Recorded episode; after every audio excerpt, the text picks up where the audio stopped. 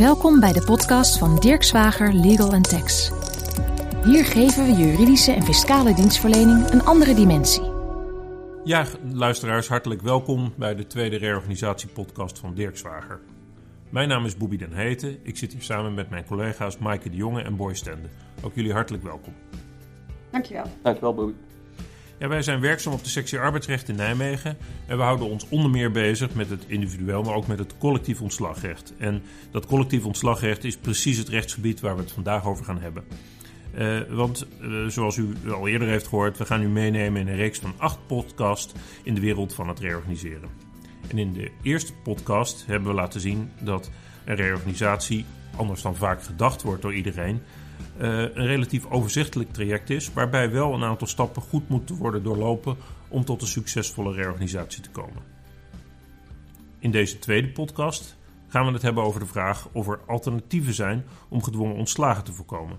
En Maaike, om maar meteen met de deur in huis te vallen, zijn die alternatieven er? Dirk Zwager Legal Tax, podcast. Die zijn er zeker.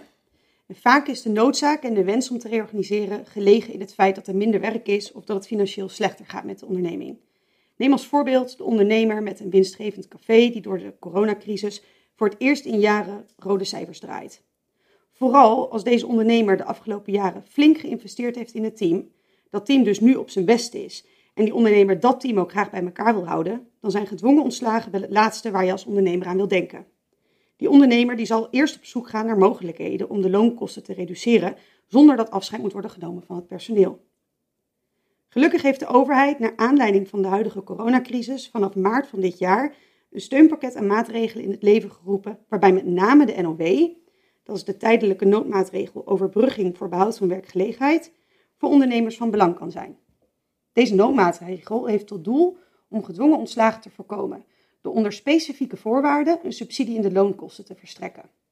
Inmiddels is de derde versie van die NOW, namelijk de NOW 3.0, aangekondigd, waarbij een van de voorwaarden uit de NOW 1 en de NOW 2, namelijk dat de werkgever bij aanspraak op subsidie in beginsel niet tot bedrijfseconomisch ontslag overgaat, is versoepeld. Oké, okay, Maaike, ja, maar ik, ik begrijp dat die steunmaatregelen toch vooral een tijdelijke oplossing voor de korte termijn kunnen bieden. Uh, maar ik, ja, ik denk zo dat er ook situaties zijn waarin die tijdelijke oplossingen echt onvoldoende zijn. En wat kan een ondernemer dan nog doen om gedwongen ontslag te voorkomen? Nou, op de eerste plaats kan je als werkgever gebruik maken van een natuurlijk verloop binnen je onderneming. Uh, iedere onderneming heeft namelijk te maken met werknemers die om welke reden dan ook uit zichzelf vertrekken. Een ondernemer die zijn personeelsbestand wil laten krimpen, kan gebruik maken van dat natuurlijke verloop. Vaak gebeurt dat ook in combinatie met een tijdelijke vacaturestop en ook met het beleid om arbeidsovereenkomsten voor bepaalde tijd niet langer te verlengen. Op deze manier zorgt de ondernemer eigenlijk voor dat het personeelsbestand tegen relatief lage kosten krimpt en wordt ook voorkomen dat er onnodig ontslagen hoeven te vallen bij de werknemers met vaste dienstverbanden. Nou, mochten deze maatregelen onvoldoende zijn, dan kun je als werkgever overwegen het vrijwillig vertrek van werknemers verder te stimuleren. Een voorbeeld daarvan is om werknemers tijdens werktijd in gelegenheid te stellen om elders te solliciteren. Maar je kan ook denken aan een vorm van outplacement dat je aanbiedt of aan een vrijwillige vertrekpremie. Een vrijwillige vertrekpremie kan een nuttig middel zijn, omdat de werknemer die uit zichzelf vertrekt op grond van de wet geen recht heeft op een transitievergoeding. En dat is ook wat werknemers vaak tegenhoudt om, ja, terwijl ze eigenlijk weten dat een baan op de tocht staat, actief op zoek te gaan naar een nieuwe baan. Ja, die drempel kan je dus deels wegnemen door een vrijwillige vertrekpremie aan te bieden. En ik zeg maar iets, bijvoorbeeld 50% van de transitievergoeding. Je kunt er als werkgever ook nog aan denken om werknemers waarvoor je tijdelijk geen werk beschikbaar hebt, te detacheren bij een andere organisatie. Dat is vooral een goed idee als je de verwachting hebt dat je die mensen in de toekomst gewoon nog weer heel goed kunt gebruiken. En dat kan ook bij, die huidige, bij de huidige crisis echt een heel reëel scenario zijn. Ehm, de verwachting is namelijk wel dat de arbeidsmarkt in de toekomst, met name ook door de vergrijzing, heel krap zal zijn. En daardoor kan het best wel moeilijk zijn om voldoende en ook vooral goed personeel aan je te binden. Door werknemers te detacheren houdt de werkgever eigenlijk die mensen gewoon in dienst. Betekent dus wel dat je hun loon moet doorbetalen, maar er staat wel tegenover dat de werkgever weer een vergoeding krijgt van de organisatie waar je die werknemer tijdelijk hebt, uh, hebt herplaatst. De werkgever kan de detachering in sommige gevallen ook gebruiken om het afspiegelingsbeginsel te omzeilen.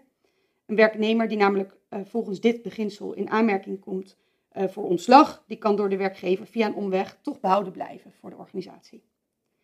Uh, belangrijk daarbij is wel dat je een werknemer niet kunt verplichten om zich te laten detacheren, tenzij in de arbeidsovereenkomst een bepaling is opgenomen die eigenlijk stelt dat de werknemer bereid moet zijn om zich op andere plaatsen voor de werknemer in te zetten.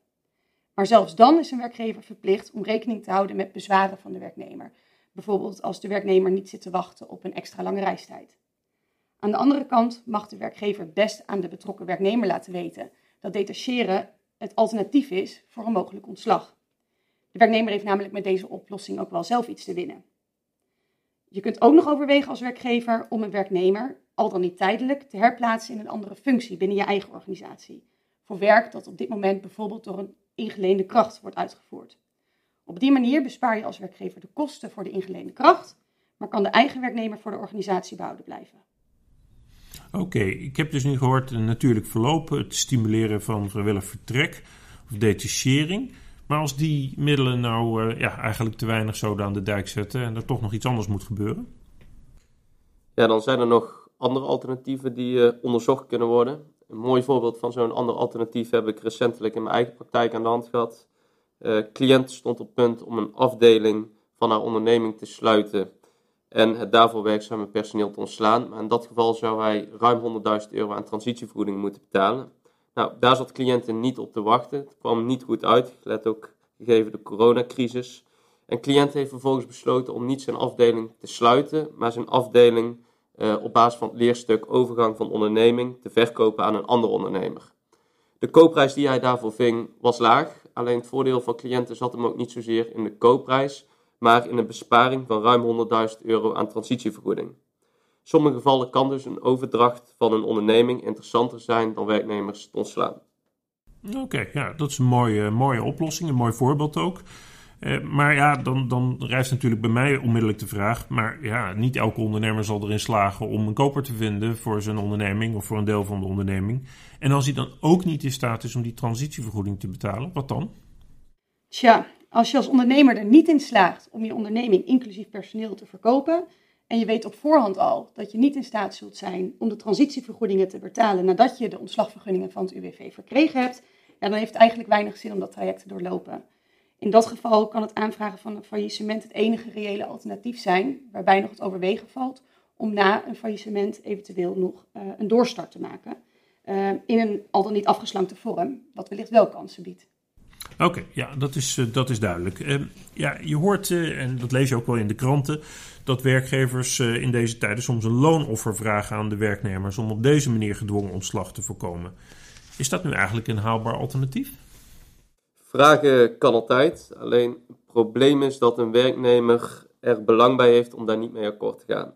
Als de werknemer namelijk instemt met een loonoffer en de werkgever gaat vervolgens alsnog failliet of alsnog tot ontslag over, dan word je als werknemer eigenlijk dubbel benadeeld. En dat heeft alles te maken met het feit dat uh, een werknemer na zijn ontslag recht heeft op een WW-uitkering, maar de hoogte van de WW-uitkering uh, afhankelijk is van het loon van de werknemer wat hij in het jaar daarvoor heeft verdiend. Um, hetzelfde principe geldt dus ook voor de hoogte van een transitievergoeding. Dus om die reden doet een werknemer eigenlijk niet verstandig aan om met zo'n loonoffer in te stemmen. Nou, als de werknemer niet instemt met zo'n dergelijk verzoek, dan heb je als werkgever eigenlijk vrij weinig middelen om daar iets tegen te doen. De rechtspraak is namelijk uitgemaakt dat bedrijfseconomische omstandigheden, en die liggen vaak ten grondslag aan een loonoffer dat je vraagt, um, echt een risico is wat voor rekening van werkgever komt meest bekende voorbeeld uit het verleden is denk ik wel um, het naderend faillissement van V&D. Ehm, ook daar heeft V&D geprobeerd een loonoffer af te dwingen bij de werknemers, maar daar heeft de rechter toen een streep doorgezet. En ook vrij recent nog, de kantonrechter Amsterdam, uh, die ook een streep zette door een ondernemer die eenzijdig een looninhouding uh, wilde afdwingen bij de werknemers uh, die verband hield met de coronacrisis. Nou, wellicht een reëler alternatief is om met de werknemers in gesprek te gaan over het opnemen van vakantiedagen of overuren. Ik kan me namelijk voorstellen dat een werknemer daar iets minder bezwaar tegen heeft. En vooral als je dat dan afzet tegen een mogelijk negatiever scenario, namelijk ontslag of een faillissement van de werkgever. Maar ook hier geldt weer dat goed overleg voorop staat. Um, het eenzijdig verplichten om vakantiedagen op te nemen en daarbij in algemene zin verwijzen naar de coronacrisis. Ja, dat gaat in rechten geen stand houden en dat blijkt ook uit een uitspraak van de rechtbank eh, Rotterdam van vrij recent. Om nog even aan te sluiten bij dat goed overleg met de werknemers, kan het ook lonen om als werkgever in gesprek te gaan met je werknemers over een eventuele gedeeltelijke beëindiging van het dienstverband door uh, de arbeidsomvang naar beneden bij te stellen. Deze oplossing die kan als een win-win situatie uh, worden aangemerkt. Want door in onderling overleg een vaststellingsovereenkomst te sluiten, waarbij je, met, waarbij je met de werknemer afspreekt dat er sprake is van een verlies van arbeidsuren van minimaal 5 uur per week, kan de werknemer voor dat aantal arbeidsuren in principe aanspraak maken op een WW-uitkering. En bespaart de werkgever dus loonkosten voor deze uren. Partijen kunnen in dat geval nog met elkaar in overleg gaan over het al dan niet betalen van een gedeeltelijke transitievergoeding. Maar strikt genomen bestaat die verplichting niet op basis van de wet. Oké, nou als ik jullie zo hoor, dan uh, constateer ik dat een ondernemer toch best nog wat mogelijkheden heeft uh, om uit te zoeken en te verkennen voordat hij uh, tot gedwongen ontslag moet overgaan. En nou, ik zet ze nog even op een rijtje. Ik heb gehoord de steunmaatregelen vanuit de overheid, de verschillende NOW-regelingen. Dan hebben we het geheld over natuurlijk verloop, detachering, herplaatsing en vrijwillige vertrekregelingen. Um, hele bijzondere oplossing is de verkoop van de onderneming of een deel van de onderneming. Maar je kunt ook met je werknemers in gesprek gaan over een tijdelijk loonoffer uh, of minder werken, vakantiedagen opnemen. Uh, ja, en een, tenslotte een alternatief wat voor de meeste werkgevers toch niet aantrekkelijk zal zijn, maar soms onvermijdelijk is een faillissement al dan niet voorzien van een doorstart. Nou, ik denk dat dit ons brengt bij het einde van uh, deze podcast. Ik wil mijn collega's Boy Stende en Maaike danken voor hun inbreng. En u uh, als luisteraar voor het luisteren naar deze podcast. We horen u graag terug bij uh, de volgende reorganisatiepodcast. En die gaat over de wijze waarop u als ondernemer vaststelt wie boventallig is. Dirk Zwager Legal Tax, podcast.